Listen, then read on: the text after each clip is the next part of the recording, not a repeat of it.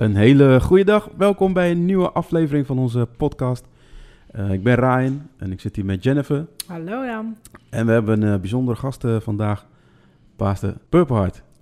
Je mag gewoon Mitchell noemen, zeggen. Mitchell. Ja, welkom, welkom. Ja, we hadden gezegd we gaan tutoyeren. Hè, dat, ja, zeker. Ja. Zeker. Nou, hartstikke leuk dat je er bent. Um, wat we vandaag gaan doen is eigenlijk een ander onderwerp of andere manieren dan we dan misschien normaal gewend zijn. Maar we zouden graag, uh, het leek ons gaaf om te horen over uh, jouw verhaal. Uh, laat ik dat gelijk inleiden. Je bent marinier geweest. Nog steeds, toch? Nee, ik ben geen marinier. Oh. nee. nee. Sinds bijna drie jaar niet. Oh ja, je ja. bent het. En ja, van alles meegemaakt. En het leek ons erg gaaf om daar een keer ja, over te horen. Dus ja, vandaar dat, we, dat, dat we dit doen. En mijn eerste vraag is van...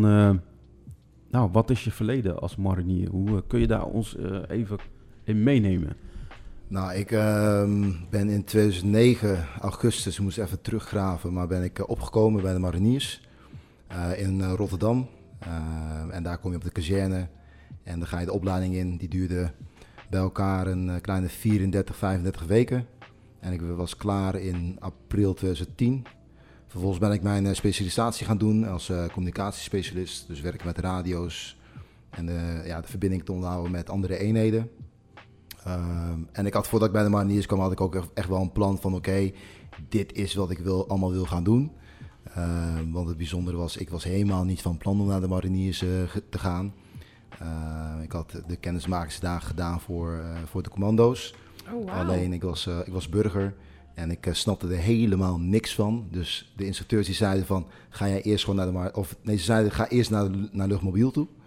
Um, maar ik trainde op dat moment uh, Krav Maga. En uh, mijn trainingsmaat die, die zat bij de mariniers als onderofficier.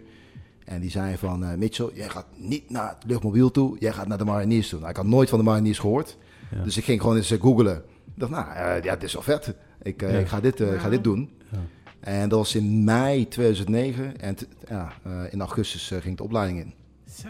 Dus dat is best wel snel gegaan tijdens de opleiding vroeg een van de kaderleden van, vroeg eigenlijk aan iedereen van oké, okay, wat, wat zou je nou eigenlijk willen worden en uh, wat zou je allemaal willen gaan doen? Mm-hmm. Nou, eigenlijk 90% van, de, van mijn uh, klasje die zei van, uh, die wilde allemaal naar de Special Forces toe, want die hebben de Mariniers ook. Ja. als kickforce man, dat is eigenlijk de, de, de Nederlandse Navy SEAL of bij het arrestatieteam van, van de Mariniers. Mm-hmm. En ik zei gewoon heel simpel, nou ja, ik zeg ik wil op uitzending. Ik zeg, ik wil uh, uh, de bergtraining doen, de wintertraining doen. Ik wil parachutist uh, worden. En ik wil uiteindelijk ook onderofficier worden. En dan heb ik mijn lijstje wel af, afgewerkt. Wow. Dus, dus ze keken me eerst aan van, Hé, waarom wil jij niet naar de Special Force toe? Ik zeg, ja, heb ik helemaal geen ambitie voor, joh. Ik zeg, helemaal geen zin. Ik zeg, wil gewoon mooie dingen doen. Mm. En that's it. Dus april 2010 kwam ik uit de opleiding. specialisatie gedaan. En mijn eerste grote oefening was in ja, januari, februari, maart 2011. Wow. Toen zijn we naar Noorwegen gegaan. Dat is een vrij lange oefening ook. Dat noemen we de wintertraining.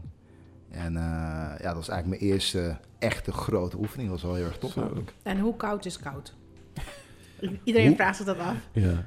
Hoe koud is koud? In Noorwegen hebben we, ik meen, volgens mij min 30 of zo aan, aangetikt. Ja, dat is genoeg. Oké. Okay. Ja. Maar dat is wel echt wel anders dan in Nederland hoor. Want het is dan niet zeg maar zo koud als wat we hier uh, hebben. Ja. Uh, want ik ben ook in Duitsland geweest. Toen hadden we ook een hele strenge winter uh, daar. Toen was het min 20. Nou, dat was echt bizar. Het was echt heel koud. En in Mm. Noorwegen viel, viel het eigenlijk best wel mee. We hebben daar op een gegeven moment ook in een wak geskiet. dus dat is gewoon een gat wat ze hebben gemaakt in het ijs. En dan moet je een bepaalde drill moet je gaan doen. Dus ze skiën eigenlijk het ijs in. Dan heb je bepaalde handelingen die je moet doen om uit dat water te komen. Oei, maar, dat, maar dat water is eigenlijk best wel gewoon warm in vergelijking met ja, de ik temperatuur geloof, buiten. Ik geloof het echt niet. Maar Dus, uh, maar dat was eigenlijk wel heel erg tof. Wauw. Ja.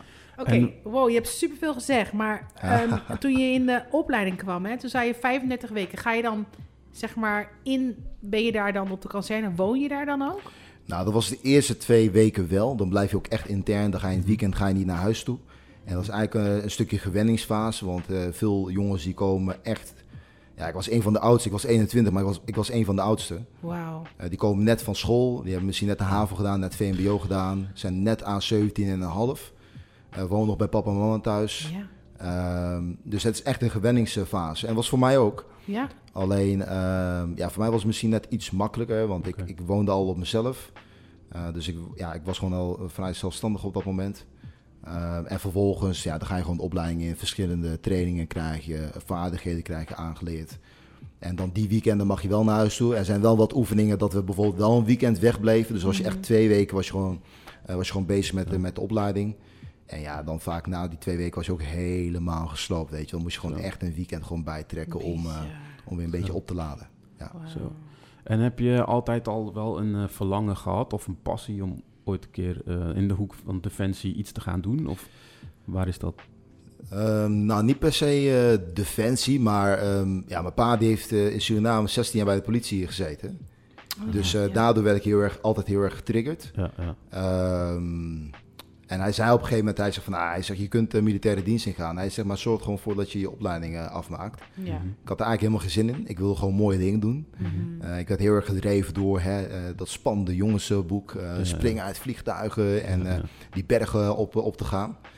Eh, maar toch mijn opleiding afgemaakt en toen pas ben ik eigenlijk eh, militaire dienst ingegaan. Oh, Zo. ja. En hoe is dan eh, jouw, eh, jouw zeg maar, carrière in die mil- militaire dienst verlopen? Want je gaf in het begin aan van, hey, ik had bepaalde ambities of ik wilde dingen bereiken. Kun je Ja. ons meenemen in hoe dat ontwikkelde voor jou? Nou, je moet je zo voorstellen dat eh, ze hebben meestal als je een bepaalde specialisatie hebt, dan, dan hebben ze gewoon een plan voor jou. En ze willen gewoon dat je dat pad gaat bewandelen. Eh zei het niet dat eh, ik ben daar een beetje op tegen. Dus ik ging altijd met mijn hak in het za- zand staan. Want ze wilden me eigenlijk in 2010 al eigenlijk de, de onderofficieropleiding ins- insturen. Puur vanwege mijn, vanwege mijn leeftijd. En ik zeg, nou, ik zeg, dat wil ik niet. Ik zeg, ik wil eh, eerst eh, dit doen, de bergtraining, de wintertraining. Ik zeg, ik wil nog een uitzending pakken. Ehm, dus nee, dat ga ik niet doen. Nou, daar waren ze niet zo erg blij mee. Maar ik kan wel zeggen dat ik eigenlijk door die negen jaar dat ik erbij heb gezeten, eh, altijd alles heb gedaan wat ik zelf leuk vond. Dus ik heb me nooit laten leiden door wat de organisatie wilde. Mhm. Dus ik heb ook echt ontzettend veel plezier kunnen maken. Zo. Vet hoor. En, eh, en zo'n bergtraining, wat, wat, wat houdt dat in? Eh, Zo'n bergtraining houdt in dat ehm, ja, je gaat gewoon leren te, ja, een, een operatie te kunnen uitvoeren in bergachtig eh, terrein. Eh, en in mijn geval zijn we toen weer voor het eerst zijn we naar Schotland gegaan. Nou, hier kennen we heel erg eh, de regen die vanaf boven komt. Nou ja, daar komt de regen alleen maar recht je, gezicht, je gezicht in. Dus dat was al een hele belevenis. Maar ja, je hebt ook gewoon te maken met een hele zware bepakking. Want je gaat vaak eh, twee, drie, vier dagen ga je op pad. Want je hebt voor de rest geen aanvoerroute. Dus je gaat dat allemaal leren in die bergtraining. Nou, daar heb ik ook voor mij iets van vier weken gezeten.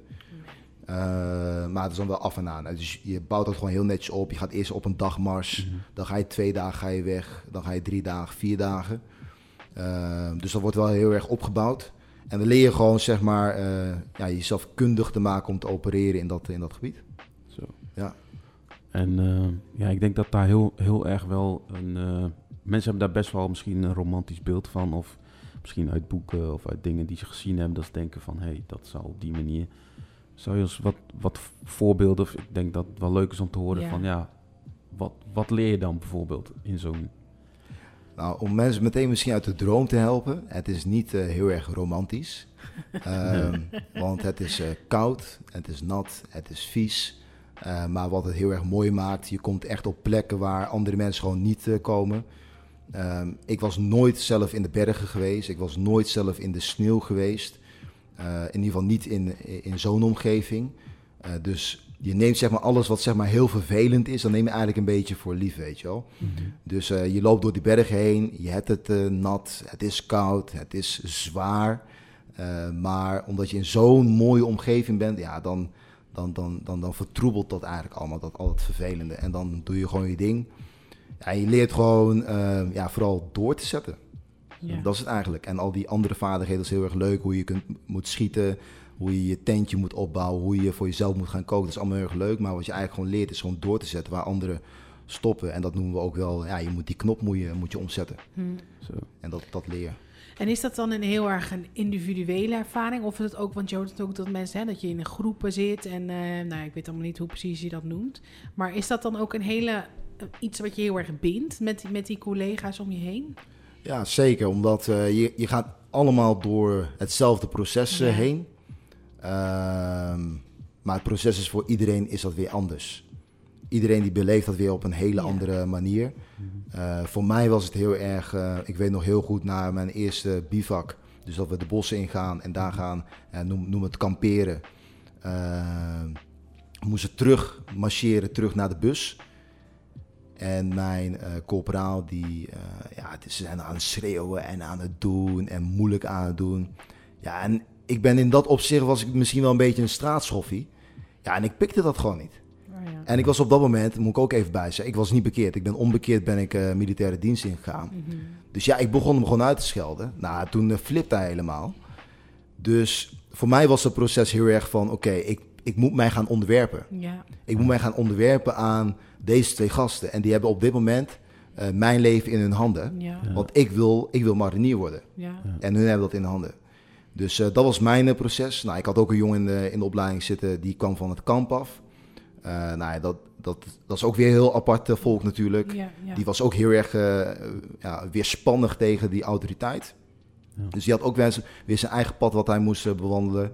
Ehm, ja, dus dat zijn wel van die dingen die je zelf wel die je op je eigen manier gaat verwerken. Maar omdat je het allemaal hetzelfde doet, Mhm. ja, dan dat bindt wel voor het leven. Zeker. Ja, bijzonder. Ja. Ik kwam Ja. laatst kwam ik weer een oud collega tegen. Eh, die heb ik nu denk ik, eh, denk misschien wel vijf jaar niet, eh, niet gezien. En ik zag hem op mijn werk. En eh, ja, het leek net of ik hem gisteren had gezien. Oh ja, ja, ja. Weet je wel, dus dat zijn wel hele bijzondere Ja. momenten. Ja, Ja. zeker. Gaaf. Gaaf. Ja. Ja. je gaf al even aan, hè, van eh, je bent daar eh, niet bekeerd heen gaan. Ja. Ehm, ben je daar tot bekering gekomen in die periode, die negen jaar? Of wanneer Ja. was dat? Of? Ja, in die negen En jaar eh, opnieuw tot bekering gekomen. Ehm, ja, ik, ik, ik, ik was gewoon een dikke, vet zondaar. Ehm, en, eh, en op een gegeven moment, ik, ik was naar een, eh, naar een feest gegaan. Ik ben nog heel erg goed, want ik vertel het aan iedereen. Het was op Scheveningen, was strandfeest. En ik, eh, ik, ik kom thuis dat weekend. En ik belde mijn beste maat op, Jus. En ik zeg, nou Jus, ik, zeg, ik heb nu een viszuiping meegemaakt, dat wil je niet weten. En hij bleef stil. Nou, dat doet hij niet heel vaak, maar dat doet hij meestal op het moment dat hij, dat hij een bom gaat, gaat droppen. Ehm, en toen zei hij, en voor mij zei hij van, op dat moment zei hij van, ja, je hebt, eh, je hebt Jezus nodig. Nou ja, mijn ouders hadden al tegen me zitten preken. eh, en ik was nog wel naar de kerk aan het gaan, maar dat, dat deed me allemaal niks. Op het moment dat hij dat tegen me zei, dacht ik van, oké, shoot. Ik, eh, ik moet dingen gaan doen. Ja. Ehm, en eigenlijk de eerstvolgende dienst ehm, ja, ben ik naar voren gegaan. Heb ik mijn leven gegeven aan, aan, aan- aan, aan Jezus. Maar ik moet wel zeggen, mijn leven veranderde niet, niet meteen. Ik ben niet radicaal tot bekering gekomen of zo. Ehm, dat kwam iets later. Ehm, dat ik gewoon tot het besef kwam van... oké, ik heb deze keuze gemaakt. Ja. Dan moet ik ook mijn levensstijl, levensstijl moet ik gaan, eh, gaan veranderen. Mhm. En dat was eigenlijk vlak voordat ik op, de- op de bergtraining eh, ging. Dat ik, eh, ik had toen met, eh, met mijn paas had ik een gesprek. Ja, en ik weet niet eens meer wat hij wat die zei. Maar dat was voor mij wel heel erg duidelijk van... oké, ik moet nu deze keus gaan maken. En, eh, en gewoon radicaal voor God gaan. Mhm. Eh, en ik kan je vertellen, ehm is echt de beste keuze van mijn leven geweest. Mhm. Maar ik moet wel zeggen, eh, in mijn vriendengroep toen de tijd in de wereld... ja, dat leek net of een bom barstte. Ja. Ja, die werden boos en die begrepen het allemaal niet. En gekkigheid allemaal. Mhm. Ehm, maar toen wist ik ook al van, oké, die relatie die is echt alleen maar gebaseerd op eh wereldse verlangens, Ja. op het feest, op het beesten. Ja. En niet echt op echte, echte normen en waarden. Dus dan is het misschien wel positief dat je daarna op bergtraining ging. Om jezelf te verwijderen van Ja, dat denk ik wel. invloeden die je eigenlijk niet meer wilde. Ja, dat denk ik wel. Want ik kon ook tijdens bergtraining, normaal gesproken dan, eh, na de bergtraining training dan, eh, dan krijg je een, een, een bepaald embleem, krijg je, omdat je de winter, wintertraining en de bergtraining hebt gedaan. Ehm, en daarna gaan die gasten gaan gewoon maximaal zuipen. Dat is echt, dat gaat gewoon helemaal los. Gaan de stad in en weet ik wat allemaal. En ik kon op dat moment kon ik gewoon zeggen van oké, doe ik niet. Hm. Punt. Nou, collega's keken me natuurlijk aan, want die kenden me zeg maar toen ik niet bekeerd was. Ja. En die keken me zo, "Hè, wat, wat doet hij nou? Maar ze accepteerden het wel. Ja. Want je, ja, je bent gewoon een van hun. Eh, dat je niet drinkt, ja, hey, eh, prima. Dan eh, weet je wel, dat accepteerden ze gewoon.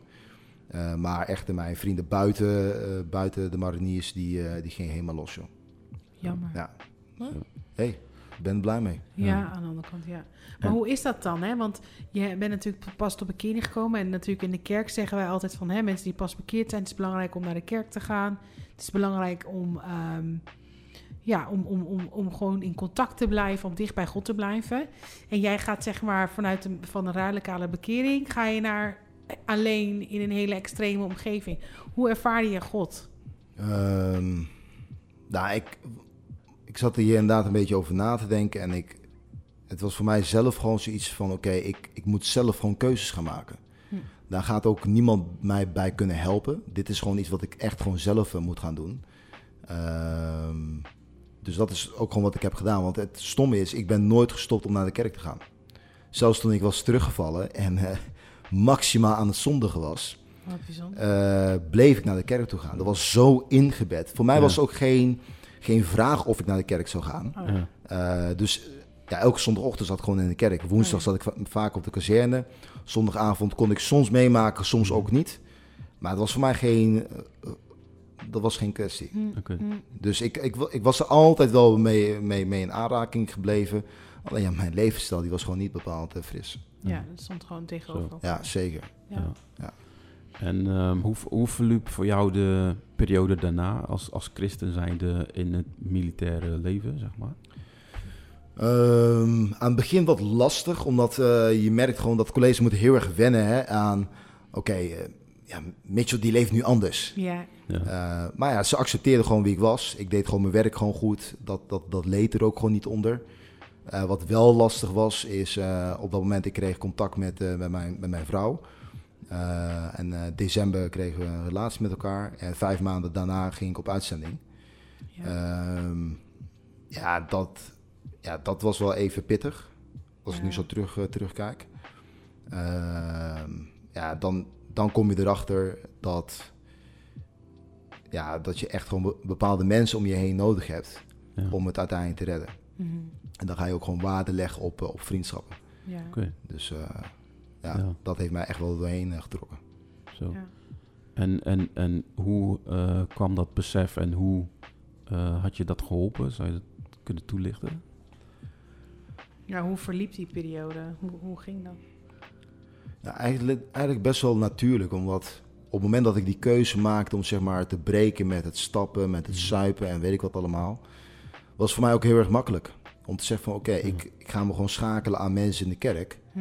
Ehm, en ja, de mensen die ik ken uit de wereld, allemaal leuk en aardig. Ik wil best wel een keer met je wat gaan eten of wat dan ook. Maar dat Mhm. zuipen en dat feesten en zo, ja, zoek het lekker uit. Mhm.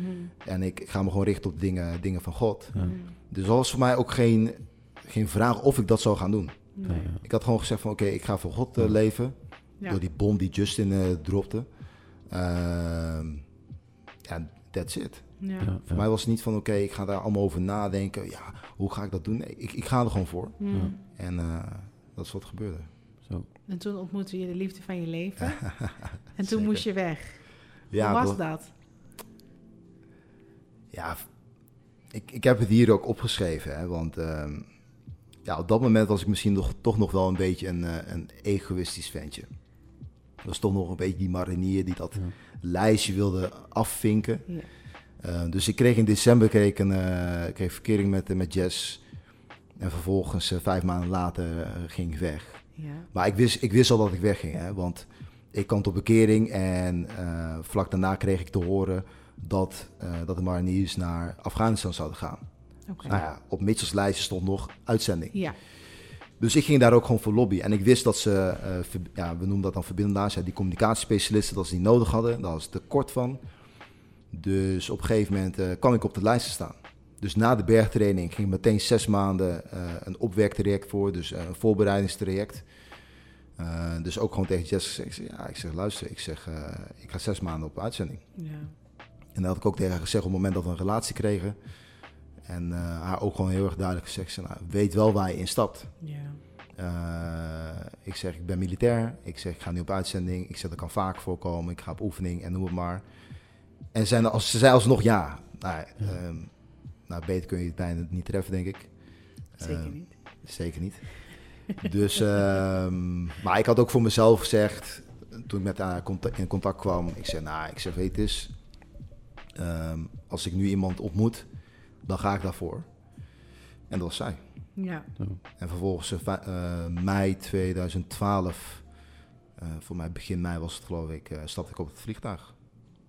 En als ik eh, eerst drie maanden weg, was ik een paar weken terug. En weer drie maanden. En toen kwam ik eind eh, 2012 kwam ik weer terug. Ja. Zo. Ja. Boom. En je bent dus in Afghanistan eh, Ja. geweest. Ehm, hoe was dat? Ja, tof. Ja, eh, het, wa- het was een puntje van mijn lijstje was afgevinkt. Ehm, ja, ontzettend eh, bijzonder. Eh, je zou het niet zeggen, maar ik, ja, ik ben het stiekem toch wel een beetje van het volk gaan houden. Ja. Ehm, omdat ik ook gewoon heel veel bijzondere mensen ben tegengekomen. Ehm, maar ook zeg maar het kameraadschap met onderlinge collega's, dat is zo sterk geworden. Maar wel even, ik moet misschien wel wat dingen verduidelijken, omdat de missie waar ik naartoe ben gegaan, dat is niet een, het was geen gevechtsmissie of wat dan ook. Dus we gingen daar niet naartoe om eh, te knokken met de Taliban of wat dan ook. Dat was niet het, dat was niet het plan. Het plan was om politieagenten, advocaten, rechters, eh, beleidsmakers, politici, om die eh, op te leiden om hun land zelf te kunnen besturen. Ja. Nou, daar vind ik ook wel wat van. Daar vind ik ook wel wat van, omdat het Ja. land die is daar altijd al mee bezig geweest en die heeft dat nooit op orde gekregen. Maar tijdens, dat, eh, tijdens de hele uitzending, ja, je komt gewoon tijdens je patrouilles die je aan het lopen bent, ja, kom je toch wel hele bijzondere mensen kom je tegen. En eh, ik was eh, in, in een stadje, heette Kanabad. En eh, we waren daar op een patrouille. En daar komt een man die komt naar me toe gelopen. Gewoon heel vriendelijk. En die is wild aan het zwaaien. Dat doen ze daar. Hè. Altijd, Ja. altijd gebaren. En alles gaat met gebaren en zwaaien. En weet ik alle- alle- allemaal. En hij komt naar me toe gelopen. En die man die spreekt gewoon vloeiend Engels. Nou, ik, oh, wauw. ik keek mijn ogen uit. Ik dacht, hé, wat is dit Ja, nou? ja, ja. En hij vertelde dat hij dus... dat hij gewoon in Engeland, in Londen heeft eh, gestudeerd. En weer terug naar zijn moederland is gekomen om het land eh, op te bouwen. Dat soort mensen kom je dan tegen. En eh, Ja. ook ja, die kinderen daar, die zijn zo nieuwsgierig. Die zijn zo hongerig om te weten van, ja, wie is die man? En ik viel sowieso al een beetje op. Want je had natuurlijk alleen maar blanke mensen die daar rondliepen. En ik als enige donkere Ja. jongen die daar rondliep. Dus ik was sowieso een attractie. Maar ja, dat trek je best wel wat mensen aan. En Ja. eh, je probeert met, met hun in contact te komen. Je probeert in hun eigen eh, taal te praten.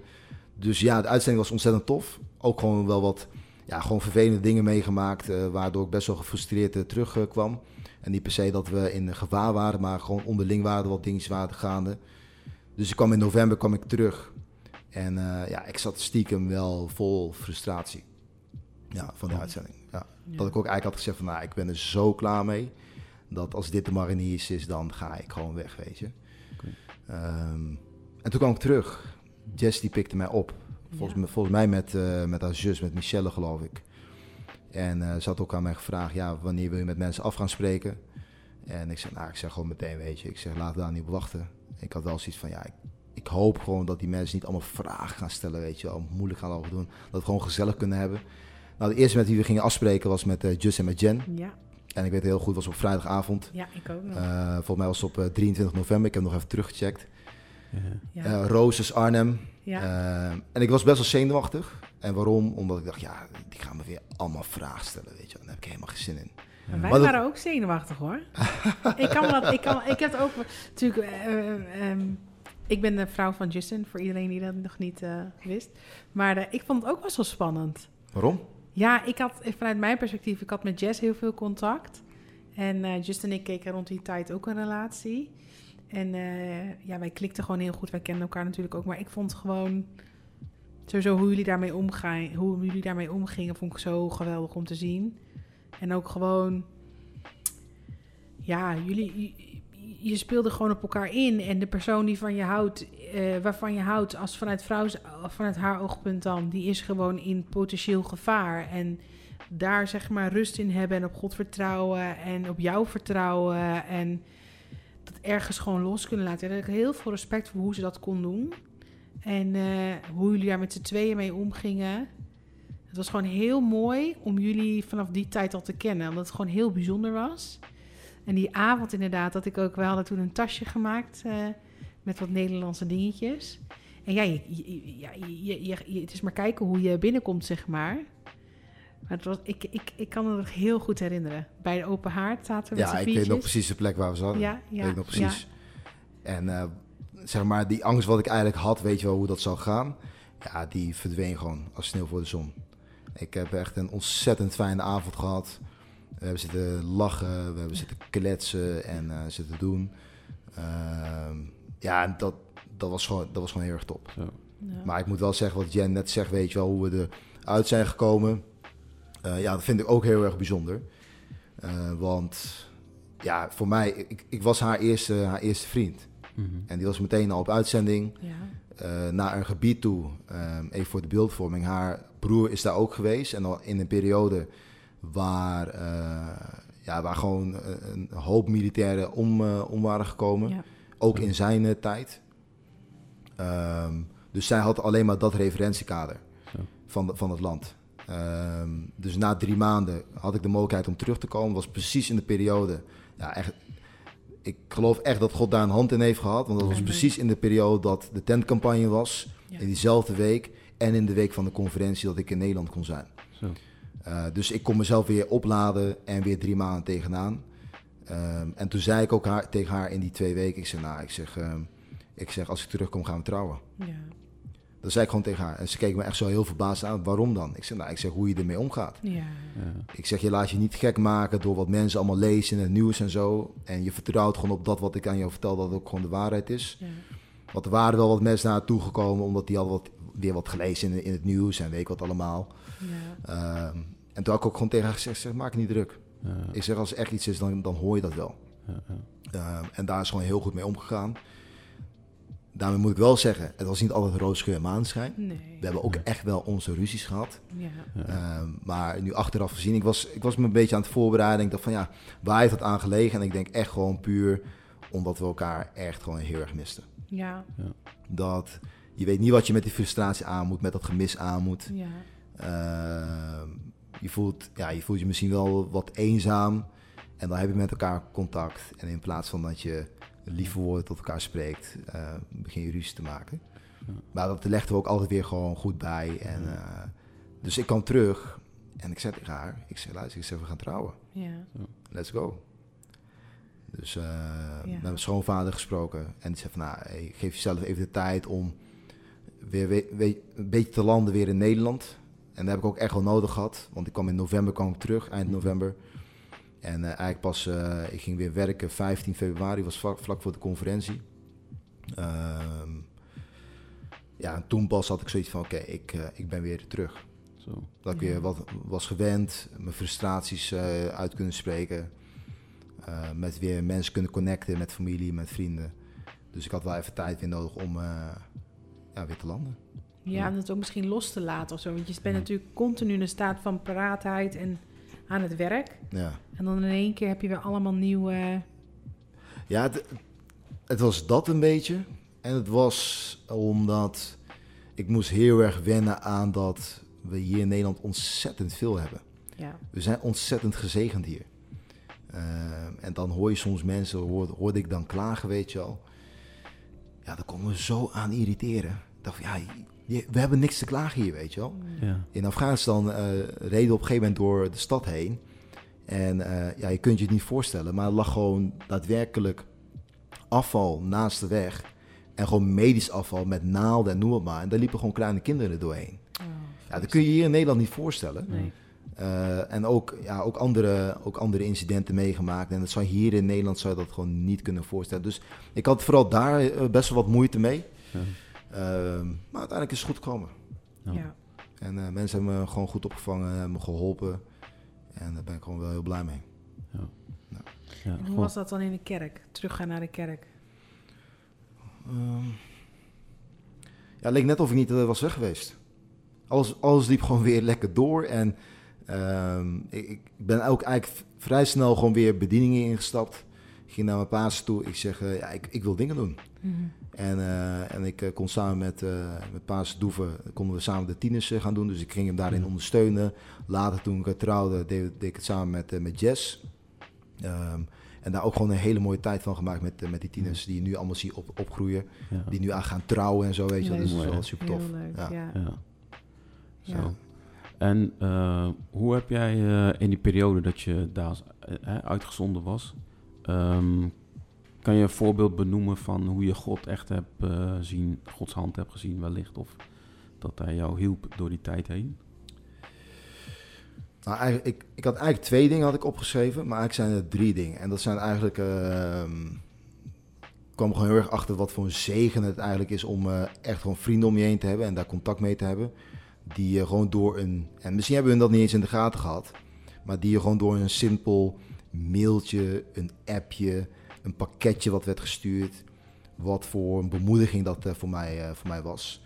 En ik had gewoon een hele, hele rits aan preken had ik meegenomen. Ja, die had ik volgens mij op mijn mp3 had ik die eh, geplaatst. Ehm, Goeie dus, oude tijd. ja, vroeger, vroeger. Ja. Dus, eh, dus dat heeft me heel erg geholpen. Ja. Eh, dus daar heb ik God zeker wel doorheen zien bewegen. Omdat ja, het, het, het is gewoon eenzaam. Ja. Want je zit daar gewoon alleen. En eh, ja, je hebt misschien wel een soort van gelovigen om je heen. Eh, je had wel een, een kerkdienstje met een, met, een, met een dominee. Maar ja, dat, eh, als je onze kerk gewend bent, dan is dat zo ontzettend dood. Dan kom je daar ook Ja. uit en denk van oké, ik ben blij dat er in ieder geval een soort van gelovigen aanwezig zijn. Dan kan ik daar een beetje mee praten. Mhm. Maar het is gewoon ontzettend eenzaam. Dus dan ga je heel veel waarde gaan je hechten aan al die vrienden die dan toch de tijd nemen om even wat te mailen. De tijd te nemen om even te bellen. eh, een pakketje te sturen. Eh, dus dat is één. En eh, God gewoon zien bewegen door mijn relatie met Jess. Want eh, om mij heen zag ik mensen gingen in scheiding. Relaties gingen uit. eh, eh, partners van mensen die meegingen op uitzending, die, gingen, die liepen gewoon weg. Ehm, en wij hebben dat gewoon overleefd. Ja. Zo. En ik kan maar één ding eh, zeggen daarover. Dat is eh, gewoon God die ons heeft beschermd eh, daarvoor. Mhm. Ja. En eh, die ons daarin heeft geholpen. Maar ook gewoon, weet je wel, onze, onze ouders, vrienden die ons daarin hebben, hebben, hebben gesteund. En de derde, waar ik God echt in heb zien bewegen, dat is echt ook gewoon best wel perso- persoonlijk. Omdat je moet je voorstellen dat ehm, de Mariniers zijn best wel een, is best wel een masculine eh, organisatie. Ja. Je hebt eigenlijk, eh, volgens mij tot nu toe, nog steeds alleen maar mannen. Heb je daar rondloopt bij de mariniers. Ehm, en die zijn ontzettend goed in hun werk. Maar ze zijn ook ontzettend pervers. Ja. Ehm, en we sliepen eerst sliepen in, ehm, in van die slaapcontainers. En we zouden gaan ver- verhuizen naar eh, bebouwde, ja, naar eigenlijk gewoon vaste eh, behuizing. Dus waar we gewoon een kamer hadden met een bedje, met airco en noem maar. En er werd tegen mij gezegd, ja, we hebben een kamerindeling gemaakt en die kan niet meer worden gewijzigd. En, eh, en als je wat te zeuren hebt, heb je gewoon pech gehad. Dus van, oké, ja, prima, weet je wel.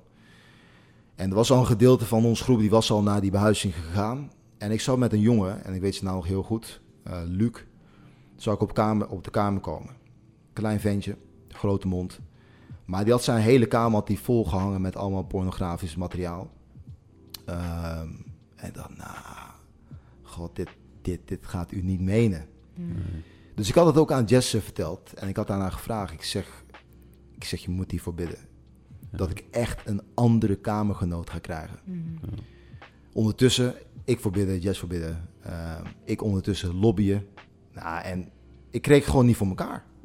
Ik kreeg het gewoon niet voor elkaar. Ze ze zei, nee, het staat vast. Je gaat gewoon bij Luc eh, liggen. En eh, nou, ik, eh, was, ik wist gewoon niet wat ik moest doen. Ehm, ik had geluk.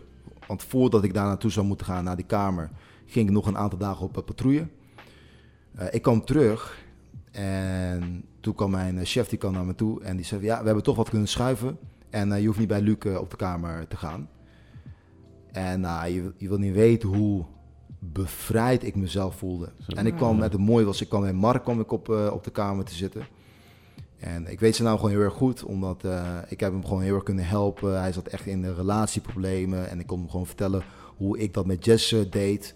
En het mooie was, hij zat in een ander team en die ging gewoon op andere momenten gingen ze weg. Dus ik had heel veel tijd voor mezelf. Dat ik ook gewoon tijd had om, om te bidden, mijn Bijbel te lezen. Zo. Ehm, dus dat heeft me gewoon heel erg geholpen. En daar heb ik achteraf gezien. Op dat moment denk ik daar helemaal niet echt over na. Maar daar, daar heeft God echt wel aan bewogen. Zo. Ja. Dat is wel gaaf. hè? Ja, zeker. Zo. zeker.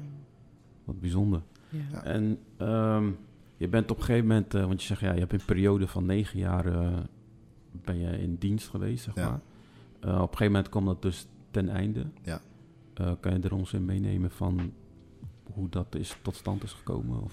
Eh, dat is eigenlijk best wel. is niet heel snel gegaan. Want ik wilde eigenlijk uit, uit de dienst gaan. Omdat ik, eh, ik werd in 2016 werd ik uitgestuurd naar Zaandam. Om daar de kerk over te nemen. En toen zat ik nog bij de mariniers.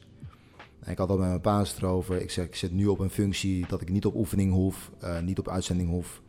Dus ik kon ook gewoon prima bij de mariniers uh, blijven. Uh, alleen het, ja, het issue was eigenlijk dat ja, ze begonnen weer aan me te trekken.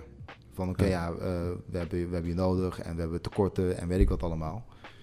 Dus ik ben toen op zoek gegaan naar, naar ander werk.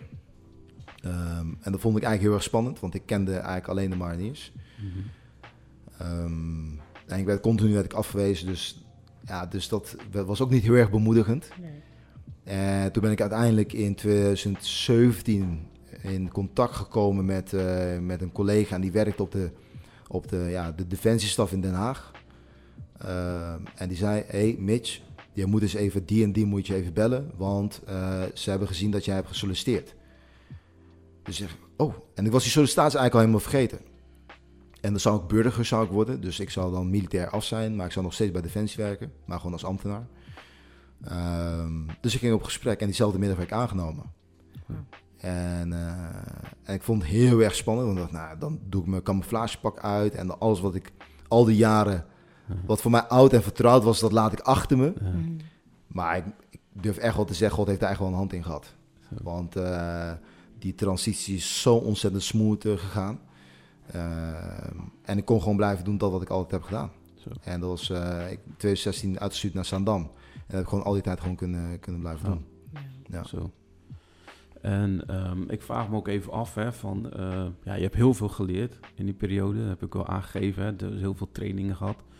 Um, zijn er ook dingen die je hebt meegenomen eruit, wat je eigenlijk nu nog steeds profijt van hebt? Um, ja, die knop waar ik het aan het begin over had, die knop om te zetten. Want soms heb je gewoon tegenslagen, heb je gewoon mee te maken, is het leven. Ja. Uh, en dan is het ook niet erg om uh, even lekker te gaan lopen zeiken. Moet je ook gewoon uh, kunnen doen. Maar dan moet je ook gewoon tegen jezelf kunnen zeggen van... hé, hey, oké, okay, ja. we gaan er weer voor. En we gaan gewoon weer lekker, lekker rammelen.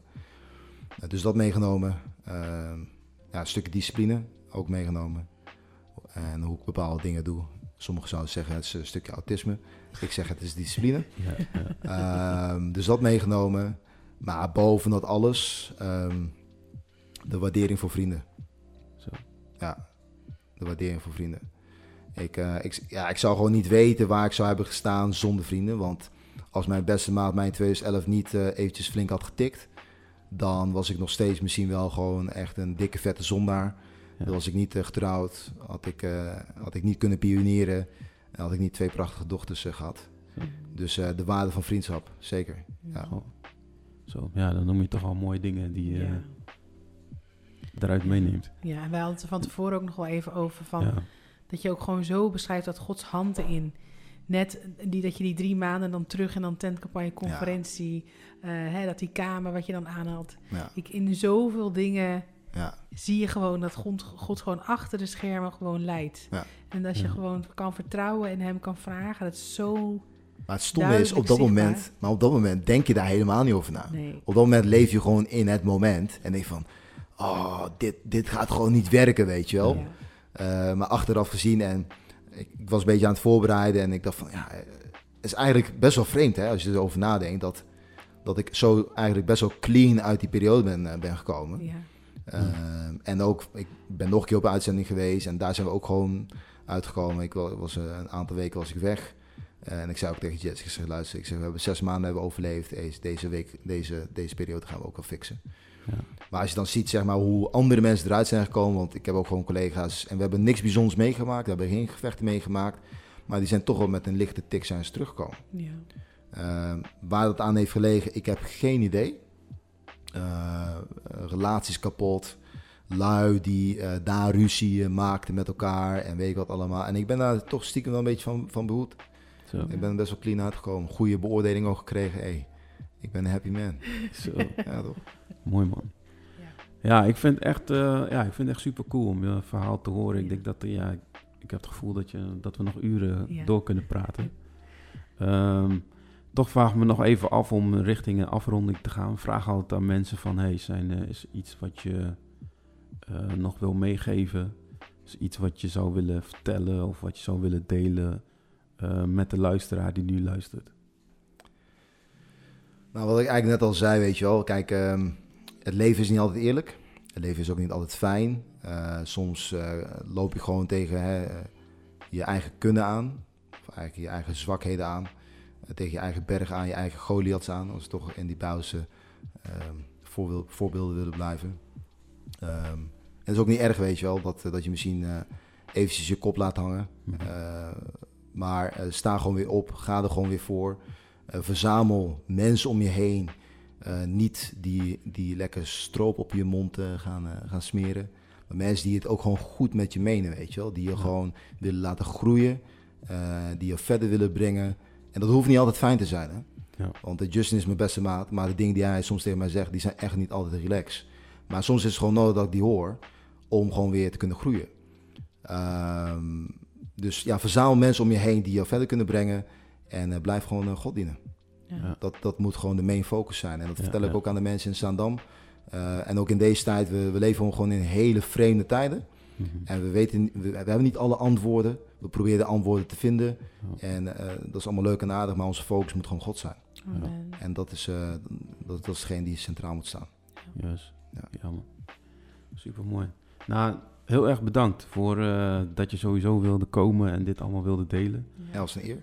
Vind Super het tof. eh, echt een mooi verhaal. En ehm, ja, ik hoop voor de luisteraar ook eh, leuk dat je weer naar ons wilde luisteren. Bedankt voor je tijd en aandacht. En eh, ja, mocht je nog meer willen weten, mocht je vragen willen stellen, ik blijf het herhalen. Je kunt dat doen via de e-mail, de deurpodcast.gmail.com.